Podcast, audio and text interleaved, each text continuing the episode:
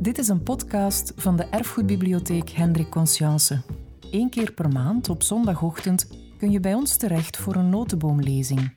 In deze lezingen bekijken we de maatschappij en cultuur van vandaag door een historische bril. Je kan ze hier herbeluisteren. We wensen je heel veel luisterplezier. Dankjewel Koen voor uw uh, al steeds uh, vriendelijke inleiding. Het gaat over fake, dames en heren, dus laat mij meteen even uh, de inleiding van Koen als fake doorprikken. Het verhaal is namelijk als volgt. Op een mooie nazomerdag, en dan heb ik het dus uiteraard over de zomer van vorig jaar, kom ik uh, Koen tegen. En Koen zegt mij, ja, heb je een goed idee? Ik zoek een spreker over uh, de protocollen van de wijze van Zion. En ik zei, ja Koen, ik heb daar ooit eens een scriptie over laten maken. Ah ja, zei hij, dat is goed. En dan een paar maanden later viel dit kaartje in mijn bus. Dus toen dacht ik, ja, ik ben eraan. Ik moet uh, die lezing gaan voorbereiden. Nee, alle gekheid op een stokje. Ik heb inderdaad, uh, dat is de enige reden waarom ik hier dan ook sta, een uh, tijdje geleden, een aantal jaren geleden, een uh, heel bescheiden onderzoekje uitgevoerd, of beter gezegd laten uitvoeren, onder de vorm van een scriptie. En dat ging over de verspreiding en receptie van die fameuze protocollen van de wijze van Zion in België. Ik ga daar straks in het tweede deel van mijn lezing verslag van doen. Het eerste deel van mijn lezing is gebaseerd op enkele werken uit de academische literatuur. Want die academische literatuur over de protocollen van de Wijze van Zion is inmiddels zeer uitgebreid. Het eerste academische werk verscheen reeds in 1926. Het was van de hand van Benjamin W. Zegel en werd in 1995 in een Engelse vertaling, want Benjamin Zegel was een, uh, een Duitsstalige Jood, werd in 1995 in Engelse vertaling opnieuw uitgegeven door Richard Levi. En het is nog steeds een bijzonder lezenswaardig werk. A Lie and a Libel, uh, dat was dan de vertaling van um, Levi, uh, een leugen en een smaadschrift dat was het inderdaad, die protocollen van de wijzen van Zian. Ik ga er straks nog op terugkomen op dat werk van Zegel. Enkele andere, er zijn er beslist meer te noemen, maar enkele andere belangrijke werken. Norman Cohn schreef in 1967 reeds een omvattende studie over onder de titel A Warrant for Genocide, The Myth of the Jewish World Conspiracy and the Protocols of the Elders of Zion.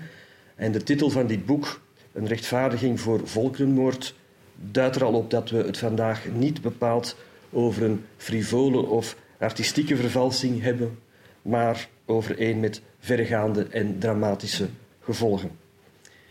Recent, in 2000 nog, verscheen bij Oxford University Press A Rumor About the Jews, Antisemitism, Conspiracy and the Protocols of Zion van Stephen, Stephen Eric Bronner. En daarmee kent u meteen de belangrijkste bronnen op basis van de welke ik een geschiedenis zal schetsen over het ontstaan van deze beruchte en wellicht beruchtste vervalsing uit de geschiedenis en vooral dan over de impact van deze vervalsing. Mijn betoog is opgedeeld in vier delen. Um, ik zal uiteraard beginnen met het ontstaan, de ontstaansgeschiedenis van de protocollen. We gaan het dan even hebben over de inhoud natuurlijk, dat u weet waar die protocollen over gaan. We gaan dan kijken naar de succesfactoren van de protocollen en ik zal dan, zoals gezegd, eindigen met een korte uiteenzetting over hoe die protocollen in België zijn verspreid geraakt. Eerst en vooral dus het ontstaan van de protocollen. De protocollen van de Wijze van Zion zijn vrijwel zeker, helemaal zeker is het niet, maar met de grootste waarschijnlijkheid gefabriceerd ergens tussen 1897 en 1899, aan het eind van de 19e eeuw dus, door de Okrana. En de Okrana, dat is de Russische geheime politie um, van de tsaar. En het paste, het fabriceren van die protocollen, in een strategie om de Joden tot zondebok te maken van het groeiende Russische verzet, verzet van Russische bevolking tegen het uiterst conservatieve tsaristische regime. In die tijd, eind 19e eeuw, begin 20e eeuw, leefden er circa 5 miljoen Joden in Rusland en dat was in de toenmalige wereld veruit de grootste Joodse minderheid. Toen in 1881 Tsaar Alexander II werd vermoord door Russische anarchisten, want in Rusland broeide het. Het zal in 1905 tot een revolutie komen en in 1917 tot aan de twee fameuze revoluties die een einde stellen aan het Zarenrijk en Oktoberrevolutie, dat weet u natuurlijk allemaal, de communistische Sovjet-Unie zullen vestigen. Dus toen in 1881 tsaar Alexander II al werd vermoord door Russische anarchisten, kwam het reeds tot hevige anti-Joodse pogroms. De opvolgers van Alexander II, Alexander III en dan vooral Nicolaas II, die Rusland zou regeren van 1894 tot aan de februari-revolutie van 1917, dat dus een einde zou stellen aan het Zarenrijk, waren, dat weten we, overtuigde antisemieten. De protocollen werden um, verspreid. Hè, oorsprong in die Russische geheime dienst om eigenlijk ja, uh, de, de, de, de, woede van de Russische bevolking af te wenden op een etnische minderheid. Die werden verspreid door Russische antisemitische organisaties. Organisaties zoals bijvoorbeeld de Zwarte Honderd. En de eerste publicatie van de protocollen vond plaats in 1903 in een Russische krant, een antisemitische Russische krant, De Vlag.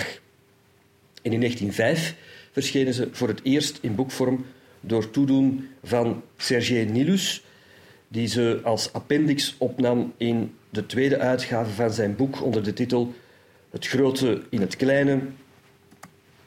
Uh, dat staat hier, dat kunt u natuurlijk heel makkelijk lezen. Enfin, de mensen achteraan niet, maar de mensen hier vooraan die goed Russisch spreken, kunnen uh, meteen zien dat het hier gaat over het boek Het Grote in het Kleine, de komst van de antichrist en de heerschappij van Satan over de wereld. Waarin deze Sergei, Nilus getuigt over zijn bekering van een werelds intellectueel tot een diepgelovig orthodox mythicus. Nu, Nilus, dat was een, een van de vele orthodoxe geestelijken die graviteerden rond, het, uh, rond uh, de tsaar en de tsarina en, en was een beetje een concurrent van, um, ik zou het honderdduizend keer zeggen, uh, Rasputin, wel. een concurrent van, van, ik heb dat niet voorbereid en dan, ja, dan, dan mag je niet doen en je moet bij je tekst blijven. Uh, van Rasputin. Enfin, het, was, het was geen onbekende en dus deze man nam dus die protocollen op in een boek.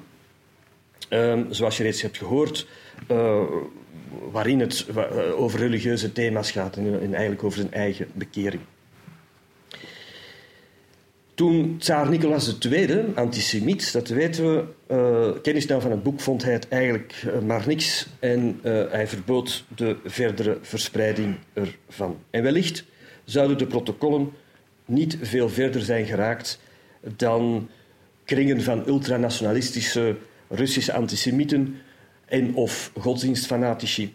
Waar het niet dat in 1917 Russische revoluties een einde maakten aan het Zarenrijk en de Bolsjewistische Sovjet-Unie baarden. Twee zaken zijn van groot belang geweest voor de verspreiding en ook het succes van de protocollen. Ten eerste het feit dat ze over de hele wereld verspreid werden, en vooral in Europa verspreid werden door uh, Russen die in exil gingen na de communistische machtsovername. Ze reisden letterlijk mee in de bagages van de talrijke Russische tegenstanders van de Bolsheviki, van de communistische Russen die na een burgeroorlog 1918-1920 de strijd wonnen van de witte Russen, dus de ja, tsaristische en, en anticommunistische uh, Russische legers en, en verbonden enzovoort. Van heel bewogen geschiedenis in, uh, in de geschiedenis van Rusland, die dus gewonnen wordt, dat weten we natuurlijk, door uh, de Bolsheviki. En dus vele duizenden, tienduizenden Russen trekken in exil. En zij verspreiden die, zij nemen die protocollen mee. Zij koesteren natuurlijk een sterke rancune tegen uh, de nieuwe machthebbers in hun verloren vaderland. Althans, natuurlijk vanuit het perspectief van die uh, anticommunistische Russen. Dat is een eerste reden. Een tweede reden, en dat is de meest essentiële, is dat er met het ontstaan van de Sovjet-Unie ook meteen in heel Europa een grote vrees groeit dat de uh, Russische communisten, de Sovjet-Unie, uit is op een machtsgreep in de wereld, in de eerste plaats in Europa. En dat achter die machtsgreep, dat geloofden velen, eigenlijk uh, Joden schuilgingen. Je krijgt dus het ontstaan van de mythe van het judeo-bolsjevistische gevaar. En dat is de vruchtbare bodem waarin de protocollen vielen en waardoor ze het meest verspreidden antisemitische geschrift werden. We moeten de successen van de protocollen eerder gaan zoeken in externe factoren dan wel in de intrinsieke kwaliteiten van het geschrift. Want die feiten bevatten de protocollen niks nieuws en ook geen enkele originele gedachte. Niets van wat in de protocollen uh, staat, en ik begrijp dat u daar in de, de mensen die de vorige keer waren bij de vorige lezing al iets over hebben vernomen, niets wat in die protocollen stond, staat, was al niet eerder geschreven. Sterker, een groot deel van de protocollen was zonder meer plagiaat. Ik kom daar zo dadelijk op terug als ik het ontstaansgeschiedenis van de protocollen verder zal uiteenzetten. Maar laten we toch eerst eventjes kijken naar de inhoud van de protocollen, opdat u zou weten waarover het gaat. En eigenlijk, de centrale idee heeft u naar hier gelokt. Eh, dat stond reeds op het kaartje van de uitnodiging. En het centrale idee is namelijk dat de Goyim, en dat zijn dus de niet-Joden, op allerlei wijzen zullen worden uitgeput, zodat ze hun macht zullen afstaan aan een door Joden gecontroleerde superregering die dan de wereld zal gaan regeren. Dat is een citaat uit protocol nummer 4. En zo zijn er in totaal 24 protocollen die beschrijven hoe die machtsgreep wordt voorbereid. Dat is, citaat uit het eerste protocol, op niets ontziende wijze, waarbij omkoperij, bedrog en verraad moeten worden aangewend als zij het doel dienen. En om het doel te bereiken, moet de oude, door christelijke waarden en sociale hiërarchie bepaalde maatschappij worden ondergraven. Daarom is het noodzakelijk, zoals protocol nummer 4 het voorschrijft, om, ik citeer, alle geloof te ondermijnen, om in, om in de harten van de goyim het principe van de godheid en van de geest zelf weg te rukken en daarvoor rekenkundige stelsels en materiële verlangens in de plaats te stellen. In protocol nummer 6 luidt het dat dit zal gebeuren door de gezonde boerenstand te vernietigen, door een algehele proletarisering van de bevolking na te streven, maar tegelijk ook door de lonen en de levensduur te, verhogen, zodat de goyim-industrie zal ten val gebracht worden en gekluisterd worden aan de Joodse geldmacht. In het protocol nummer 7 heet het dat de pers, en daarvan wordt gezegd dat die op enkele uitzonderingen na al in onze versta Joodse macht is, die pers zal de regeringen moeten dwingen om het alles, allesomvattende plan te volgen. In protocol nummer 9 wordt voorgeschreven dat de partijenstrijd onder de Goyim moet worden aangemoedigd en dat de jeugd moet worden bedwelmd en bedorven door hen op te voeden in allerlei leerstelsels en theorieën waarvan wij, de Joden, weten dat ze vals zijn. In protocol nummer 13 wordt uitgelegd dat de volksmassa's zullen zoet gehouden worden met vertier allerhande en zo gaat dat maar door. De bedoeling is uiteindelijk om het Joodse Rijk te bevestigen. Protocol nummer 14 zegt dat in dat Rijk, ik citeer, het ongewenst zal zijn dat er nog andere godsdiensten zouden bestaan buiten onze godsdienst, van de ene God met wie ons lot ten nauwste is verbonden door onze positie als het uitverkoren volk. Wij moeten dien te gevolgen alle andere vormen van godsdiensten uitroeien. Einde citaat. Ik zou nog een tijdje kunnen doorgaan met te citeren uit de 24 protocollen, maar heel erg interessant is dat niet. En de essentie is inmiddels al wel duidelijk, denk ik. Het komt erop neer dat in de protocollen allerlei maatschappelijke, politieke en sociale verschijnselen en problemen die heel bekend waren voor de mensen op het eind van de 19e eeuw, begin 20e eeuw, zaken als secularisering, industrialisering, kapitalistische schaalvergroting, dus context van de Tweede Industriële Revolutie, politieke partijenstrijd als gevolg van opkomst van democratieën en ook natuurlijk onstabiele regeringen, enzovoort, enzovoort. Die worden allemaal voorgesteld alsof zij deel uitmaken van een masterplan gericht op de vestiging van een Joodse wereldheerschappij, die onder meer zal leiden en in het bijzonder zal leiden tot de vernietiging van de christelijke godsdienst. Er wordt voortdurend ook gezegd in die protocollen, ik uh, zinspeelde er al op als ik het over die pers had, dat, het, dat de taak bijna volbracht is, dat, dat men op het punt staat om te bereiken wat moet bereikt worden, namelijk die wereldheerschappij. Zodat dus de lezer van die protocollen overtuigd wordt van een acuut gevaar van een Joodse machtsovername. In feite koppelen de protocollen van de wijze van Zion een modern aandoende maatschappijanalyse met het eeuwenoude christelijk anti-judaïsme dat nauw verbonden is met de westers-christelijke beschaving, waarin de Jood gedurende eeuwen werd uitgesloten en vervolgd. Dat had eerst en vooral natuurlijk een religieuze achtergrond, die uitsluiting. Het Joodse geloof was immers een permanente uitdaging voor de katholiek-christelijke religie. Een spanningsveld dat nog werd gekruid door het thema van de Jood als moordenaar van Christus. Een daarmee verwant thema is de Jood als instrument van Satan. Het werd heel geregeld doorheen die duizenden jaren christelijke geschiedenis, bespeeld door christelijke theologen. En het zat vooral diep geworteld in het volksgeloof en mondde uit in allerlei vooroordelen en mythes, zoals het schenden van hosties door Joden of het plegen van rituele moorden op christenkinderen enzovoort. Ook het geloof dat er allerlei geheime Joodse secten bestonden met bizarre gebruiken was wijd verspreid. Door de vervlechting van kerk en staat in het ancien regime kon het religieus antisemitisme ook uitmonden in wetten die de Jood het statuut van de paria gaven. Joden mochten bepaalde beroepen niet uitoefenen, moesten op specifieke plaatsen wonen, dienden herkenbaar te zijn aan bepaalde tekens, enzovoort, enzovoort, enzovoort. Al die maatregelen waren erop gericht om de Jood in de marge te duwen van de christelijke samenleving. En het gros van de Joden leefde dan ook een armoedig bestaan in ghetto's of in de Oost-Europese shuttles, waar het gros van de Europese Joden sedert de 14e eeuw woonde. Er bestond natuurlijk ook een heel rijke Joodse bovenklasse, die ontstaan was doordat kredietverschaffing en andere bankaire activiteiten vaak door Joden werden beoefend, ook omdat er een kerkelijk verbod stond op het uitvoeren van die activiteiten door christenen, waardoor zij dus eigenlijk in het bereik kwamen van Joden.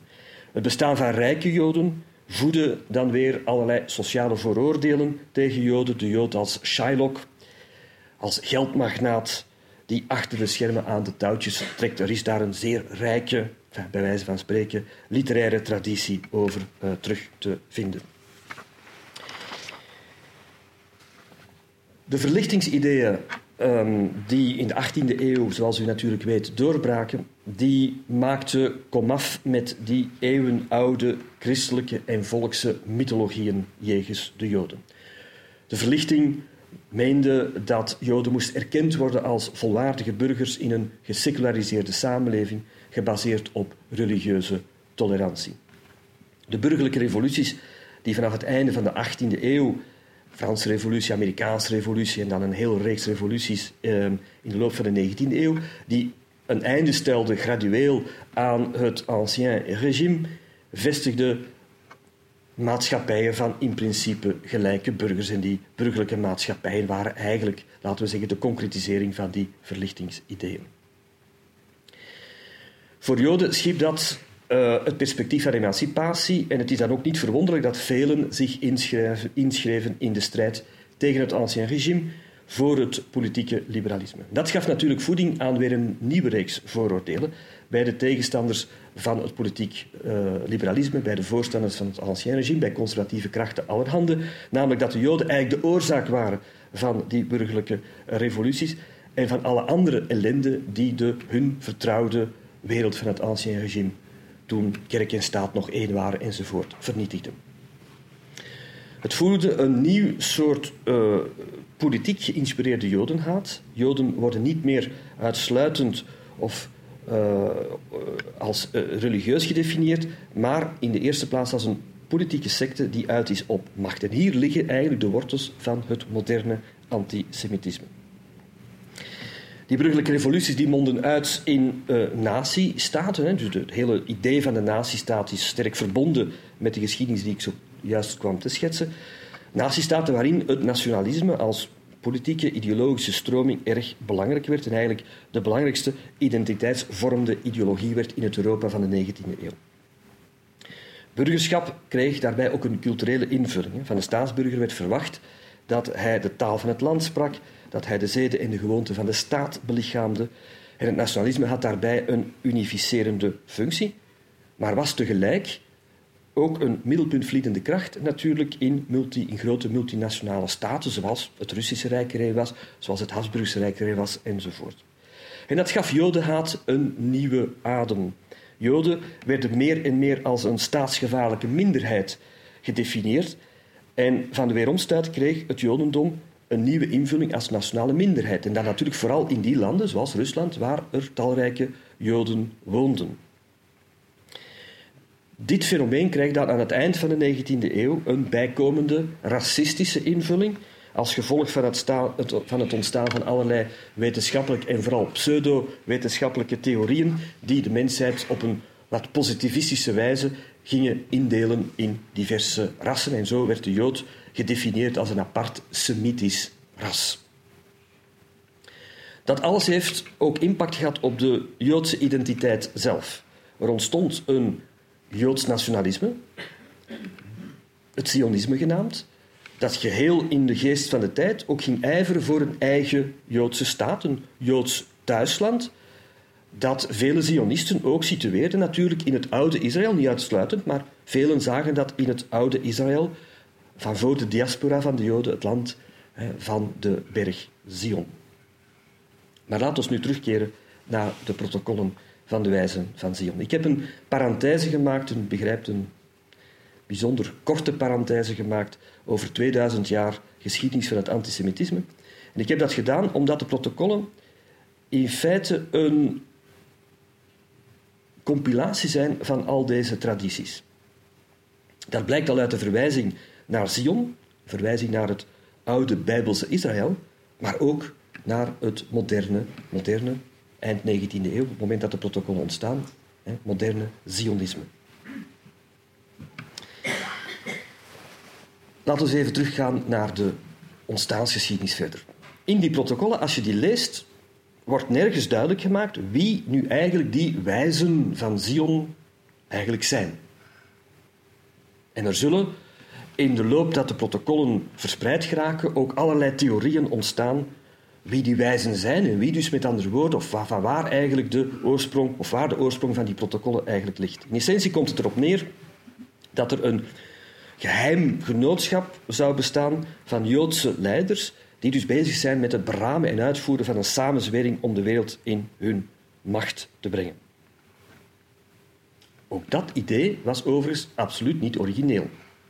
Het idee van het bestaan van een geheime samenzwering van Joodse leiders was al aanwezig in tal van 19e-eeuwse antisemitische geschriften. Zo bijvoorbeeld dit boek van uh, ene Sir John Radcliffe, eigenlijk een pseudoniem van de Duitse auteur Hermann Goethe. Die leefde van 1815 tot 1878 en die een wat gothic aandoende scabreuze roman schreef onder de titel Biarritz. En daarin wordt een, een scène beschreven van um,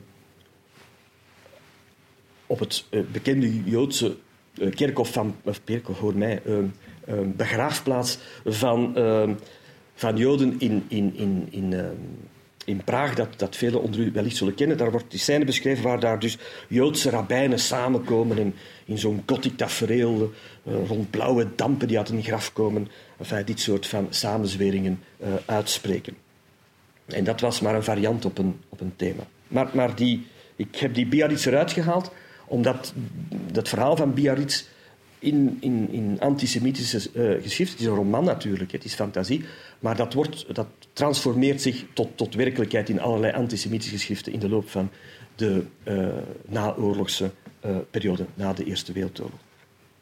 Nu, Sergei Nilus, de man die we er straks hebben gezien, die in 1905 de protocollen voor het eerst in boekvorm publiceerde in het Russisch, hij beweerde bij een nieuwe uitgave in 1917 dat de protocollen eigenlijk waren opgesteld tijdens het eerste Zionistisch congres in Basel, dat plaatsgreep in 1897. Um, en dat dus de protocollen eigenlijk door de daar aanwezige Joodse Zionistische leiders werd opgesteld. Onder meer door deze Theodor Herzl, die zowat als de vader van het Zionisme geldt. Hè. Hij heeft een, een beroemd boek geschreven, Der Judenstaat, in 1896. En dus ja, dat sionisme wordt meteen aangegrepen om de oorsprong van, die, of om, om, om de, oorsprong van de protocollen eigenlijk uh, een context te geven. De werkelijkheid is echter minder prozaïs, of misschien prozaïser. Het is maar hoe je het bekijkt natuurlijk. De protocollen werden, zoals gezegd, geschreven door leden van de Russische geheime dienst. Dat gebeurde niet in Rusland zelf, maar in Parijs, rond 1897, waar op dat moment de Dreyfus-affaire woedde rond de Franse legerofficier van Joodse origine Alfred Dreyfus, die op beschuldiging van spionage werd gearresteerd en gevangen gezet en die na een heel lange affaire uiteindelijk werd gerehabiliteerd. Maar in 1897, op het moment dus dat die protocollen wellicht werden geschreven door Russische geheime diensten in Parijs, was die Dreyfus-affaire volop aan de gang in Frankrijk. En het ging eigenlijk, achter die Dreyfus-affaire ging eigenlijk een fundamentele confrontatie plaats tussen de uh, voorstanders van het, het, oude, conservatieve, monarchistische ancien regime Frankrijk aan de ene kant en dan de vooruitstrevende republikeinse Fransen die eigenlijk de waarden van de Franse revolutie wilden verdedigen. En waarbij dus de conservatieve strekking Joden zagen als een soort van paria. En dus het ondenkbaar vonden dat er Joodse uh, officieren waren in het Franse leger. Waar dan de vooruitstrevende strekking uh, van oordeel waren dat Joden deel konden uitmaken van de Franse natie.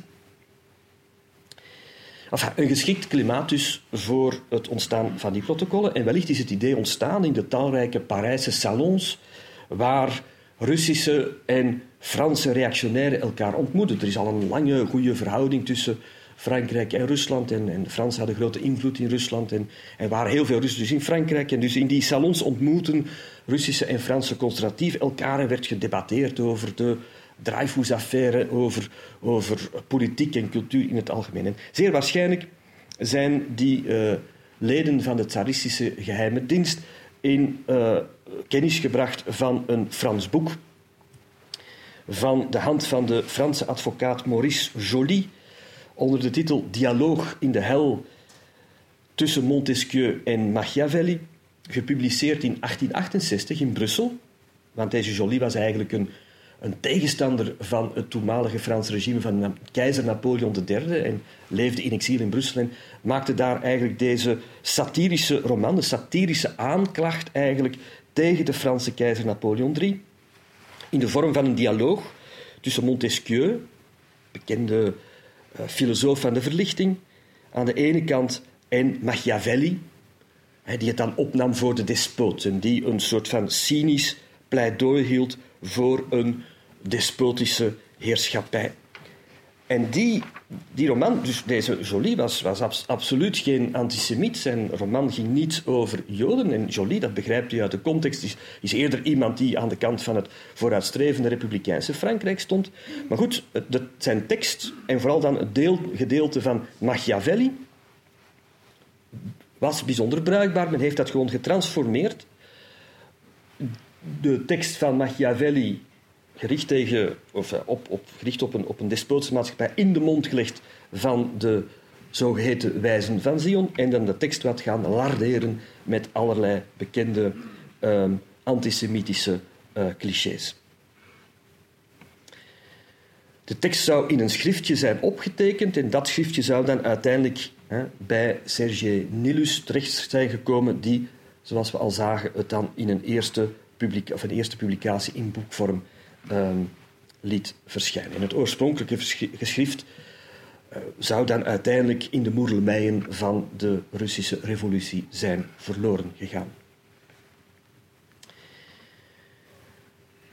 Het plagiaat, want het was dus plagiaat, het was uh, voor grote stukken gewoon letterlijk overgeschreven uit, dat, uh, uit die roman van Joly, kwam al vrij snel aan het licht. Op het moment dat die protocollen verspreid geraakten, dus die Russische emigrees uh, verspreiden de protocollen en al gauw verschenen er in heel Europa uh, en ook buiten Europa uh, vertalingen. In het Frans, in het Duits, in het Engels, later ook niet in andere talen. Ik heb hier drie voorbeelden van meegebracht. De Engelse vertaling, die belangrijk is omdat zij vaak diende voor de vertaling dan weer in andere talen, dus een soort van nieuwe moedertekst met ook een inleiding van Victor Marsden, The Protocols of the Meetings of the Learned Elders of Zion. Franse vertaling Le Péril Juif, hè, dat was de, de, de, de, titel van de Franse uh, vertaling van de Protocollen van de Wijze van Zion. En dan een belangrijke uh, Duitse vertaling, belangrijk omdat zij grote impact heeft gehad, daar ga ik straks op terugkomen in Duitsland, die Geheimnissen der Weisen van Zion in deutscher Sprachen herausgegeben von Gottfried zur Beck. Al die vertalingen werden overigens voorzien van aparte inleidingen waarin, zoals gezegd, weer allerlei nieuwe complottheorieën opdoken over het, het, ontstaan van die protocollen van de wijzen van Zion. Er was natuurlijk ook meteen journalistieke belangstelling um, en dus ook journalistieke kritiek. En al in 1921 verschenen in de Britse pers, naar aanleiding van het verschijnen van die Protocols of the Meetings of the Learned Elders of Zion, verschenen um, artikels over het plagiaat. Journalisten hadden het plagiaat ontdekt. En in 1924 publiceerde dan de Duitse auteur en journalist Benjamin Zegel van Joodse origine weliswaar, maar goed, hij publiceert een, ik zeg weliswaar, omdat u begrijpt meteen dat die meegetrokken wordt in het, in het complot, ik ga erop terugkomen straks. Hij publiceert een diepgravende studie die compleet brandhout maakte van de protocollen. Hij bewijst met een overvloed aan argumenten en, en, en, en bewijzen dat het eigenlijk ging om een bijzonder slecht gemaakte vervalsing. En je zou dan denken over en out voor de protocollen. Of zoals de Times, bekende Britse krant, het toen uitdrukte in een hoofdartikel: The End of the Protocols. Wel, niets is minder waar. Integendeel, de protocollen begonnen aan een onstuitbare opmars in Europa, maar ook in de hele wereld. In de Verenigde Staten bijvoorbeeld was het uh, Henry Ford, hè, de man die we kennen van de T-Ford en die fortuin maakte met de auto voor de gewone man, was een antisemiet en hij was overtuigd, een tijd lang althans, van uh, de echtheid van de protocollen en ging er met uh, uh, zijn eigen kranten, de Dearborn Independent, en met het vele geld dat hij had, ging hij zorgen voor de verspreiding van de protocollen in de Verenigde Staten. In Frankrijk werden er in de jaren 1920 en 1930 maar liefst acht verschillende vertalingen van de protocollen op de markt gebracht.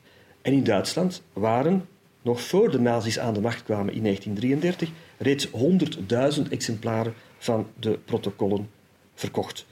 En in de nazi-tijd gingen de protocollen behoren tot de officiële nazi-propaganda. De uh, officiële ideoloog van het Derde Rijk, Alfred Rosenberg, ging er zelf een eigen boek aan wijden, die protocollen der Weisen van Zion en die jüdische, jüdische Weltpolitik. En Hitler zelf refereert overigens in Mein Kampf heel even aan de protocollen. Uh, maar niet uitgebreid. En hij laat ook in het midden of ze echt zijn. Hij vindt dat niet zo belangrijk of ze echt zijn of niet. Uh, de beschrijving die in de protocollen voorstaan, die is echt, want je ziet het gebeuren in de wereld. Ook daar kom ik straks nog even op terug. Overigens, als uh, in november 1939 de, enfin, als, als, in september, excuus, 1939 de Tweede Wereldoorlog uitbreekt, gaat Hitler in november 1939 gebeurt dat voorstellen om de protocollen in het buitenland te verspreiden om aan te tonen dat de Joden de eigenlijke veroorzakers zijn van de Tweede Wereldoorlog. En op dat moment zijn de protocollen vertaald in heel veel talen in de wereld, inclusief het Arabisch. En dat heeft natuurlijk ook weer zijn belang voor een ander circuit waarin de protocollen tot de dag van vandaag succes hebben. En ook daar kom ik nog even op terug. Er waren, zoals gezegd, heel wat varianten ontstaan, waarbij de protocollen werden voorzien van allerlei nieuwe inleidingen, waarin dan weer nieuwe complottheorieën werden ontwikkeld met speculaties over het ontstaan van de protocollen. De ene al wat wilder dan de andere. Sommige auteurs hielden het zelfs voor mogelijk dat de protocollen eigenlijk al duizenden jaren waren overgeleverd door Joodse leiders. En dus waarbij de ene generatie uh, ouderen van Zion het doorgeeft aan de andere leiders en dat je dus een, een eigenlijk een, een eeuwig Joods complot hebt. En een vast thema in heel veel uitgaven, heel prominent aanwezig, is het verbond tussen Joden en vrijmetselarij. En waarbij de vrijmetselarij werd voorgesteld als een Joods instrument. En op die manier komt het ook trouwens veelvuldig aan bod in de protocollen zelf. Zeer vaak werden de protocollen gepubliceerd in een context, samen met andere geschriften, uh, die meestal van anti-judaïstische origine zijn. Anti-judaïstische christelijke geschriften. En we hebben gezien hoe dat overigens ook al het geval was bij de allereerste boekpublicatie van Serge Nulus, hè, die eigenlijk ook die protocollen opnam als een tweede deel van een eigen geschrift, waarin hij, hè, uh, zoals gezegd, het over zijn eigen bekering had en over allerlei mystische, orthodox-christelijke aangelegenheden. Het heeft, zoals al aangevoerd, nu weinig zin om in te gaan op al die diverse argumenten, want we hebben gezien dat de protocollen zelf fake zijn, dat ze dus van elke grond ontbloot zijn. De vraag moet dus worden gesteld waarom ze desondanks zo succesvol waren en overigens nog steeds zijn in welbepaalde milieus. En daar gaan we nu even een antwoord op zoeken. Het eerste antwoord is dat de protocollen een typische complottheorie herbergen. Ze geven eigenlijk een eenvoudig antwoord op tal van complexe realiteiten die door mensen als bedreigend worden ervaren. En zoals elke eigenlijk een complottheorie heeft altijd dezelfde structuur. Ik heb geprobeerd om dat wat schematisch voor te stellen. Wat doet een complottheorie? Die gaat eigenlijk uit de werkelijkheid feiten plukken, feiten die eigenlijk los van elkaar staan, die lukraak gekozen zijn, maar die door de ontwikkelaars van de complottheorie eigenlijk in een nieuw verband worden geplaatst, namelijk het complot. En met dit te doen bieden ze eigenlijk aan de mensen een zienswijze aan die hen toelaat die diverse feiten in een verband te zien. Nu, als je elk van die feiten op zich nader gaat bestuderen, dan stel je vast dat elk feit op zich eigenlijk een bijzonder complexe context heeft, een bijzonder complexe geschiedenis kent, oorzaken kent enzovoort. En als je al die feiten die een complottheorie bevatten op die manier gaat bekijken, dan stel je vast dat na verloop van tijd er van dat complot eigenlijk niks meer overschiet. Dat die werkelijkheid waar dat complot beweert uh, iets over te kunnen vertellen, een oneindig complexere werkelijkheid is die niets meer toont van het oorspronkelijke complot. Excuus voor de mensen die achteraan zaten. Ik weet niet of u het hebt kunnen zien. Overigens, met dank aan mijn oudste zoon, want dat kan ik niet hoor, zo'n zo PowerPoint maken. Dat heeft hij voor mij moeten maken. Ik had het idee en hij heeft het uitgevoerd. Nu, um, voor wat uh, de protocollen van de wijze van Zion betreft, kun je die C van het complot gewoon vervangen door een J. Het zijn de Joden die de schuld zijn van alles. En dat is de bril die eigenlijk wordt aangereikt. Bovendien, en dat is misschien dan een tweede reden, gaan de protocollen van de wijze van Zion ook een duidelijke schuldige aanduiden, waartegen eventueel kan worden opgetreden om al die problemen op te lossen. Dus zoals gezegd, vervang deze C maar door een J. De Joden zijn schuld van zowat alles. Een derde reden is dat de protocollen, en dat weten we inmiddels al, voortbouwen op bestaande tradities van eeuwenoud religieus anti-judaïsme enerzijds en van modern politiek antisemitisme anderzijds. In feite gaan de protocollen van de wijze van Zion die twee tradities met elkaar verenigen. De vierde, en naar mijn gevoel belangrijkste reden, en ook die heb ik al aangehaald, is dat de protocollen na de Eerste Wereldoorlog in een vruchtbare bodem vielen. Het ontstaan van de communistische Sovjet-Unie en de overtuiging bij zeer velen buiten de Sovjet-Unie dat dat regime uit was op wereldheerschappij voedde een virulent westers anti-communisme um, aangevuurd door allerlei rechtse stromingen in de politiek enerzijds en aangevuurd ook door de katholieke en andere christelijke kerken anderzijds. En het idee dat er achter die Sovjet-Unie een Joods complot schuilging, gericht op de verovering van de wereld en de vernietiging van de christelijke westerse beschaving, bleek erg succesvol. Nogal wat clerici, inclusief kerkelijke hoogwaardigheidsbekleders, mensen met gezag in de kerk, voeden het antisemitisme vanuit anti-judaïstische en anti-communistische overwegingen. Ten aanzien van de protocollen van de Wijze van Zion nam met name de katholieke kerk een dubbelzinnige houding aan. Aan de ene kant werden de protocollen door kerkelijke gezagsdragers van de hand gewezen als een vervalsing. Aan de andere kant vond je toch ook wel heel wat clerici die steun verleenden aan de protocollen of steun verleenden aan het idee van de Joodse samenzwering. Men constateert dat het idee van de Joodse of Joods-Bolsjewistische samenzwering in uh, de maatschappij van het interbellum tussen de twee wereldoorlogen heel wat believers had. En voor deze believers was het al of niet frauduleus zijn, frauduleus zijn excuus van de protocollen niet meer relevant. De protocollen bevestigden hun geloof en daarom alleen al waren ze geloofwaardig. Geconfronteerd met de onweerlegbare bewijzen van de fraude, was de reactie van deze believers, en Hitler zat helemaal in die lijn, maar als die protocollen dan misschien niet authentiek zijn, dan beschrijven ze in ieder geval heel goed de werkelijkheid. En voorts was er natuurlijk altijd de complottheorie die een uitkomst kon bieden. Namelijk beweren dat iedereen die beweerde dat de protocollen vals waren, eigenlijk mee in het complot zaten. Dat is ook een klassiek element natuurlijk in elke complottheorie. Dat de tegenstander mee in het complot zit.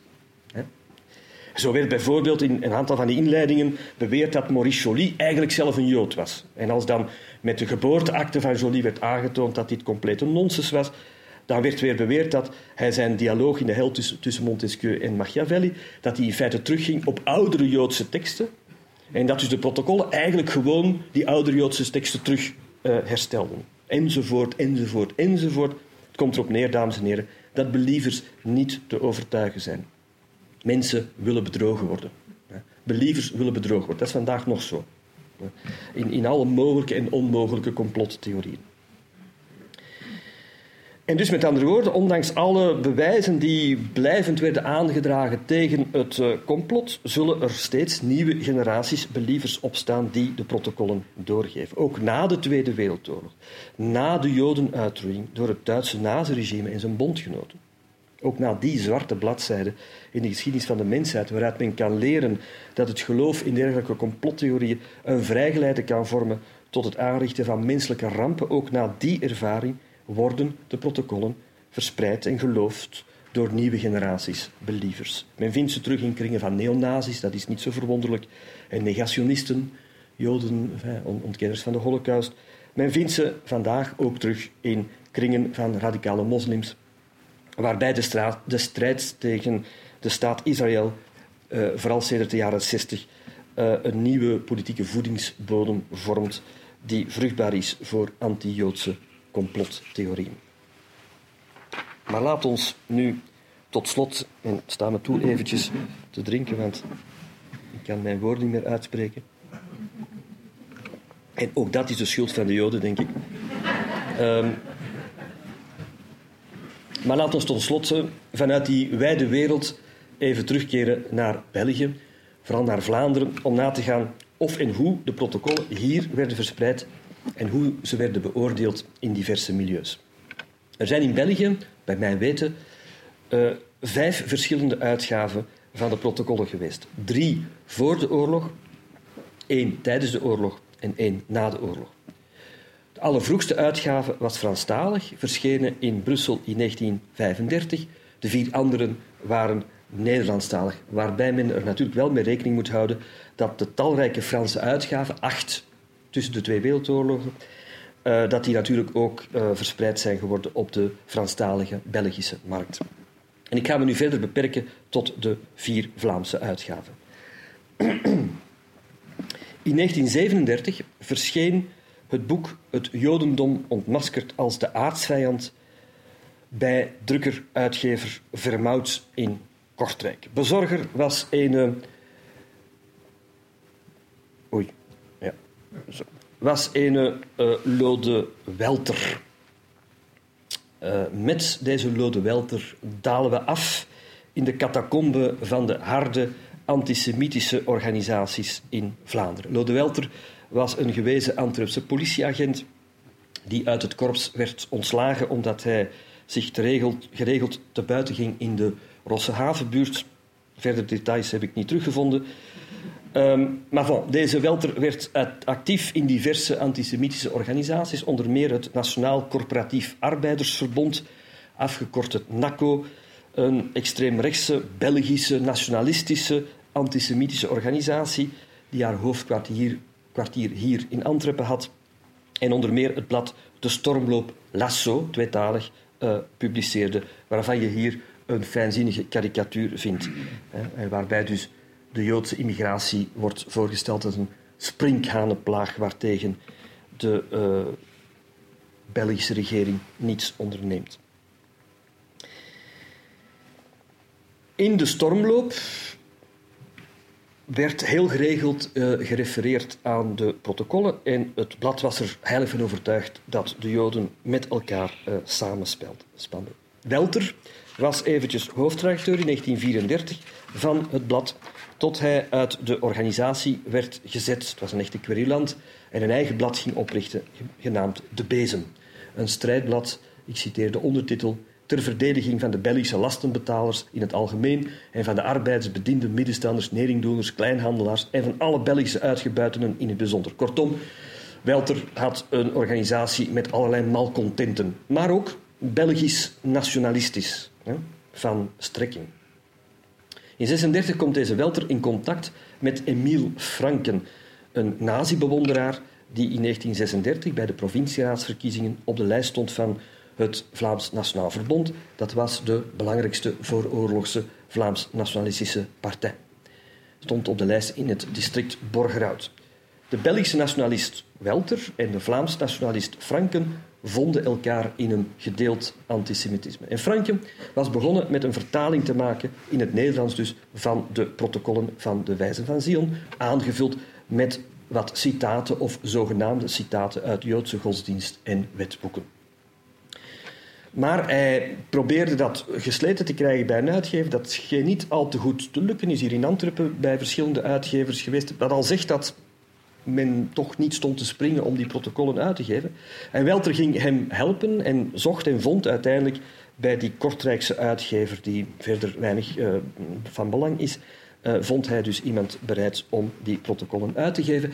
En hij kwam ook tot een akkoord met uh, Franken dat Welter als auteur zou optreden, omdat Franken toch liever niet in de openbaarheid wilde geassocieerd worden met die protocollen. En Welter ging dus als auteur optreden en ze spraken ook af dat ze het auteursloon zouden gaan verdelen. Maar als een puntje bij paaltje kwam, stak querulant Welter overigens Franken was evengoed een, een enorme querulant, stak hij het geld in eigen zak, waardoor het tot een proces kwam tussen Welter en uh, uh, Franken, waaruit je allerlei uh, saillante details kunt optekenen, zoals bijvoorbeeld het feit dat Welter het idee had om een aanslag te laten plegen op jodenvriend Camille Huismans, hè, burgemeester op dat moment in Antwerpen, als promotiestunt voor de Nederlandse uitgave van de protocollen. Of het feit dat de tegenpartij Franken dus beweerde dat Welter eigenlijk zelf van Joodse origine was. U hoort het. Um, de protocollen ontstaan dus in een milieu van antisemitische, extreemrechtse querulanten. De oplage die uh, men had voorzien, Frank, uh, Franken en Welter toen ze nog uh, goede maatjes waren, was voorzien op 5000, maar die geraakten absoluut niet verkocht. Blijkbaar dus was ook het enthousiasme bij het, enthousiasme bij het publiek in Vlaanderen toch niet zo geweldig groot. Al kan natuurlijk zeker de bedenkelijke reputatie van Welter ook wel een rol hebben gespeeld. Ik vermeld nog dat zowel Franken als Welter tijdens Wereldoorlog II in dienst gingen als jodenjagers bij de SS hier in België. De tweede uitgave, de tweede Nederlandstalige uitgave van de protocollen, gebeurde uh, opnieuw in Antwerpen. Welter en Franke waren Antwerpenaars. De uitgever van de eerste uitgave was, een, uh, was Kortrijksaan. Maar dus de tweede uitgave gebeurde door de in Antwerpen gevestigde antisemitische organisatie Volksverwering, die in 1937 het gelijknamige blad Volksverwering verspreidde. Een blad dat, u ziet hier twee uh, voorbeelden ervan, dat tijdens de oorlog in 1941 eh, van naam veranderde tot volksaanval. U ziet hier rechts voor u een, een, een oorlogskopij waarin uh, volksverwering juicht toen de Jodenster werd ingevoerd. En links heb je een, een, voorbeeld van dus een, vooroorlogse uh, kopij van dat blad Volksverwering. De protocollen van de Wijze van Zion verschenen in, ehm, voor het eerst in de loop van 1937 in dit blad Volksverwering. En Volksverwering gaf de protocollen ook uit in 1938 als aparte brochure. De herkomst van hun uh, uitgaven moet gezocht worden in de Nederlandse evenknie van Volksverwering, het zogeheten Nederlands Comité ter Bestudering van het Joodse vraagstuk, die reeds ook de protocollen hadden vertaald en ingeleid. Over oplage en receptie van deze brochure van Volksverwering is uh, niets bekend. Volksverwering was een kleine organisatie met enkele honderden leden uh, aanhang. Van Volksverwering is wel geweten dat de meeste actieve leden ervan tijdens de oorlog uh, jodenjagers werden in dienst van de SS, zoals dus Franken en Welter, Franken en Welter, die overigens zelf ook actief waren in deze organisatie Volksverwering. Kortom, de vooroorlogse uitgaven van de protocollen in Vlaanderen zijn te situeren in milieus waar je ze kan verwachten en ze lijken ook geen groot succes te hebben gehad. De derde uitgave, verschenen tijdens de oorlog, is heel wat interessanter. Want die verscheen bij de West-Vlaamse uitgever Lano. En de uitgavengeschiedenis leert ons toch iets meer over de toch wel wat complexere receptiegeschiedenis in Vlaanderen. Eerst en vooral dient te worden opgemerkt dat het plan om de protocollen uit te geven al van voor de oorlog stamde. Al van 1933. En dus zou je kunnen zeggen dat Lano nog voor de vorige besproken uitgave het plan had opgevat om die protocollen in druk te geven.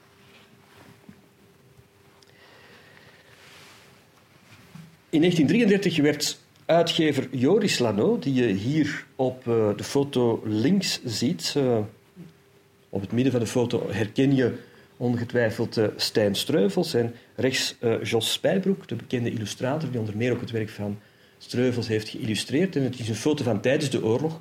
Lano heeft tijdens de oorlog het verzameld werk van Streuvels uitgegeven. En bij die gelegenheid is deze foto genomen. Wel, deze Joris Lano, die de stichter was van drukkerij-uitgeverij Lano in 1909. Vorig jaar vierde de uitgeverij haar honderdste verjaardag.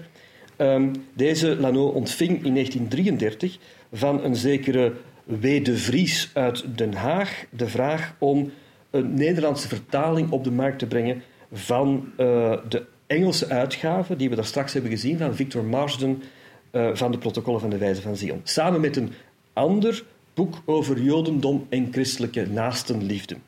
Een werk van een anonieme, toen nog anonieme Nederlandse Jezuïet. Het was overigens via de Jezuïtenconnectie, het was een Mechelse Jezuïet, die de Nederlanders in contact brachten met uh, uitgeverij Lando. En belangrijk daarbij uh, is dat Lano op dat moment, 1933, uitgesproken sympathie koesterde voor het Ferdinate, waarvan hij trouwens in 1935 lid zou worden. Het Verbond van Dichtse Nationaal Solidaristen, eigenlijk de eh, eerste en meest zuivere Vlaamse fascistische organisatie onder de leiding van Joris van Zeveren.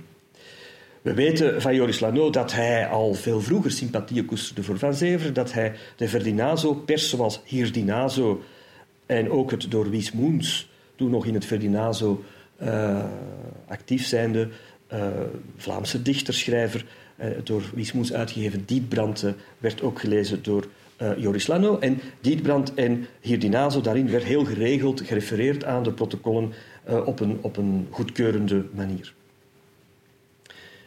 Lano, Joris Lano, oud-strijder uit de Eerste Wereldoorlog, was ook bijzonder goed bevriend met een andere oud-strijder en inmiddels Vlaams nationalistisch politicus geworden, die ook in het parlement zetelde in die tijd, uh, Wart Hermans. Wart Hermans, die na 1930 evolueerde tot een hevig antisemiet en onder meer in 1933 het boek Jodendom, Marxisme en Wereldheerschappij publiceerde, waarin de titel geeft het al aan, een judeo-bolsjevistisch complot wordt aangeklaagd en waarin Hermans minstens voor een deel zijn mosterd haalde bij de protocollen.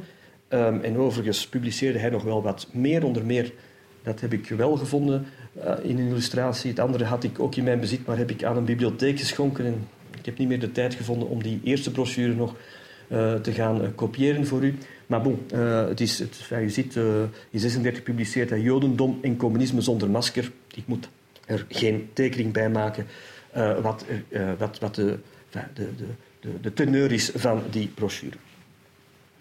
Um, en dat heeft allemaal dus wellicht een rol gespeeld bij de beslissing van Lano, Joris Lano, om um, in te gaan op de vraag tot de publicatie van uh, die Nederlandse geschriften. In 1934 publiceert Lano dit boek, het Jodenvraagstuk.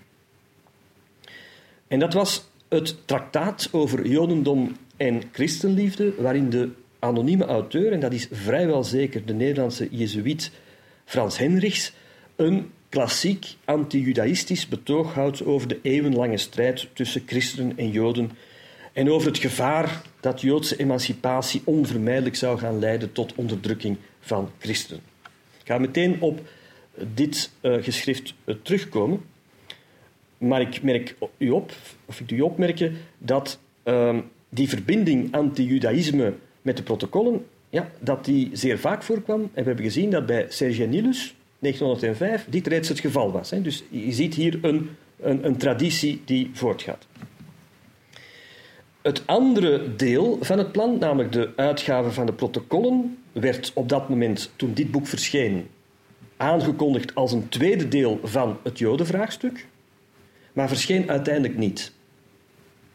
Het stond nog wel in de aankondigingen van de uitgeverij van te verschijnen werk in 1935, maar in 1936 wordt er geen gewag meer van gemaakt. Er is dus duidelijk een kink in de kabel gekomen. Wat er precies misliep, is niet zo duidelijk. Maar mogelijk speelde de, de receptie van het eerste deel, dat je hier dus ziet, um, wel een rol. Dat was namelijk niet onverdeeld positief in katholieke kringen. Boekengids het orgaan van het belangrijke en strenge katholieke orgaan voor bibliotheekwezen uh, stelde veel vragen bij uh, de publicatie en cultuurleven. Het blad van de Dominicanen vond het zonder meer een dwaas werk. Mogelijk heeft ook de commentaar op de protocollen uit katholieke hoek een rol gespeeld. Vooral de Leuvense jezuïet uh, Pierre Charles had al in de jaren twintig in diverse katholieke bladen gefulmineerd tegen de protocollen. En hij gaf in 1936 lezingen over de kwesties, onder meer hier in Antwerpen, in het kader van het Katholiek Bureau van voor Israël, een in 1936 opgerichte katholieke organisatie die zich keerde tegen het antisemitisme. De houding van de katholieke kerk is, zoals gezegd, heel ambigu in deze kwestie. Het kan vriezen, het kan dooien. Mogelijk hebben al die negatieve geluiden Joris Lano doen aarzelen. Al was, zoals gezegd, die, kon, je, kon je ook heel wat geluiden terugvinden waarbij katholieke clerici uh, evengoed positief over die protocollen uh, spraken. Een van die heel dubbelzinnige geluiden is dat bijvoorbeeld in 1938 het katholiek uh, bureau voor Israël werd opgedoekt op last van aartsbisschop Ernest van Roei. Enfin, daar werd niet veel over geschreven in de katholieke kerk. Je weet dat de katholieke kerk een traditie heeft van potjes gedekt houden. Ah, we weten niet precies hoe het ook zij. In maart 1940, twee maanden dus voor de Duitse inval, begint Lano dan toch met het drukken van het tweede deel. Dus het plan om het tweede deel te drukken door Lano werd uitgevoerd al voor de Tweede Wereldoorlog maar dus de eh, in Duitse inval zal uiteindelijk uh, het, het, plan vertragen. De directe aanleiding voor Lano om dan toch te beginnen drukken aan de protocollen van de Wijze van Zion is dat hij een brief kreeg van een Amsterdamse uitgever die liet weten dat de inmiddels overleden pater Jezuïet uh, Hendricks uh, dat die toelating had gegeven om over te gaan tot een herdruk van het Jodenvraagstuk als Lano er zelf niet mee zou voortdoen. En om dit te voorkomen, en dus wellicht om commerciële redenen, begon Lano dan toch met een herdruk van het eerste deel van de protocollen en ook meteen met een uh, druk van het tweede deel. En dus de Duitse inval in mei 40 vertraagde de uitgave, maar uiteindelijk rolde in december 1940 uh, de fameuze herdruk van het eerste deel van de persen en een apart, in een apart, maar met dezelfde kaft, uh, tweede deel, waarin dan dus de protocollen van de wijzen van Zion werden opgenomen. En de twee delen werden overigens ook in een gebundelde uitgave uh, op de markt gebracht. Dat heb ik voor u meegebracht. Mensen die het straks willen bekijken, dat moet u, moet maar eventjes komen, komen halen hiervan voor. Nu, die boeken bleven de hele bezetting in de fondscatalogus van uitgeverij Lano.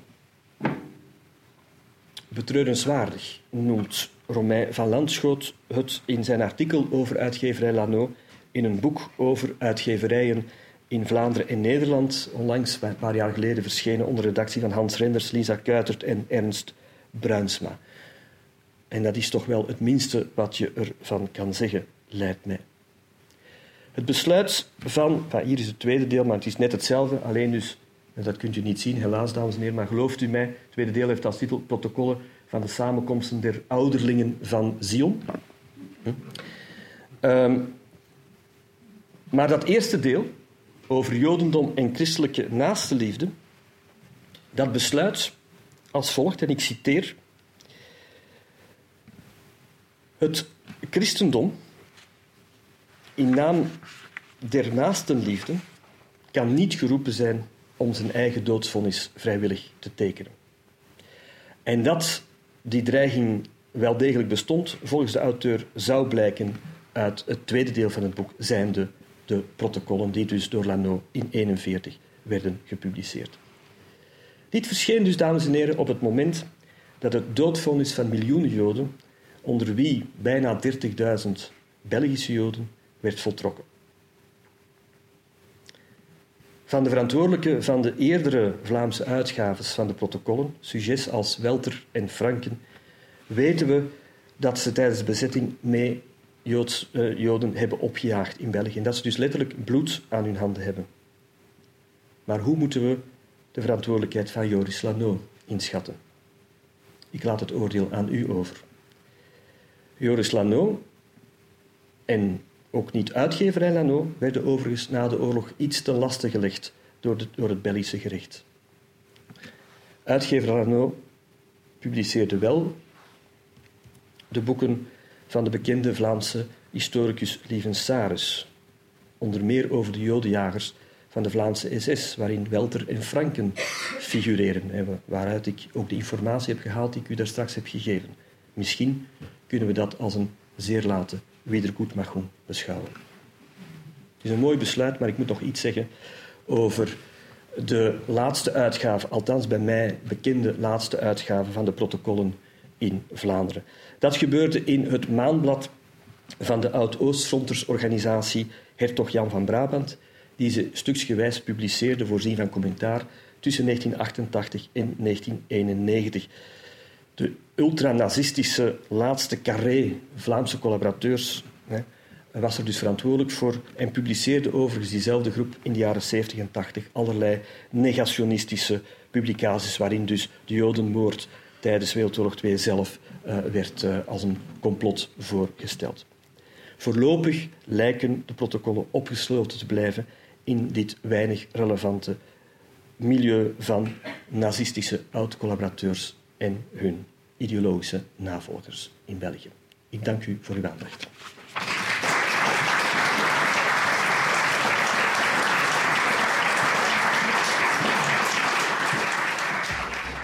Je luisterde naar een podcast van de Erfgoedbibliotheek Hendrik Conscience. Wil je nog een andere lezing beluisteren? Ga dan naar www.consciencebibliotheek.be-herbeluister.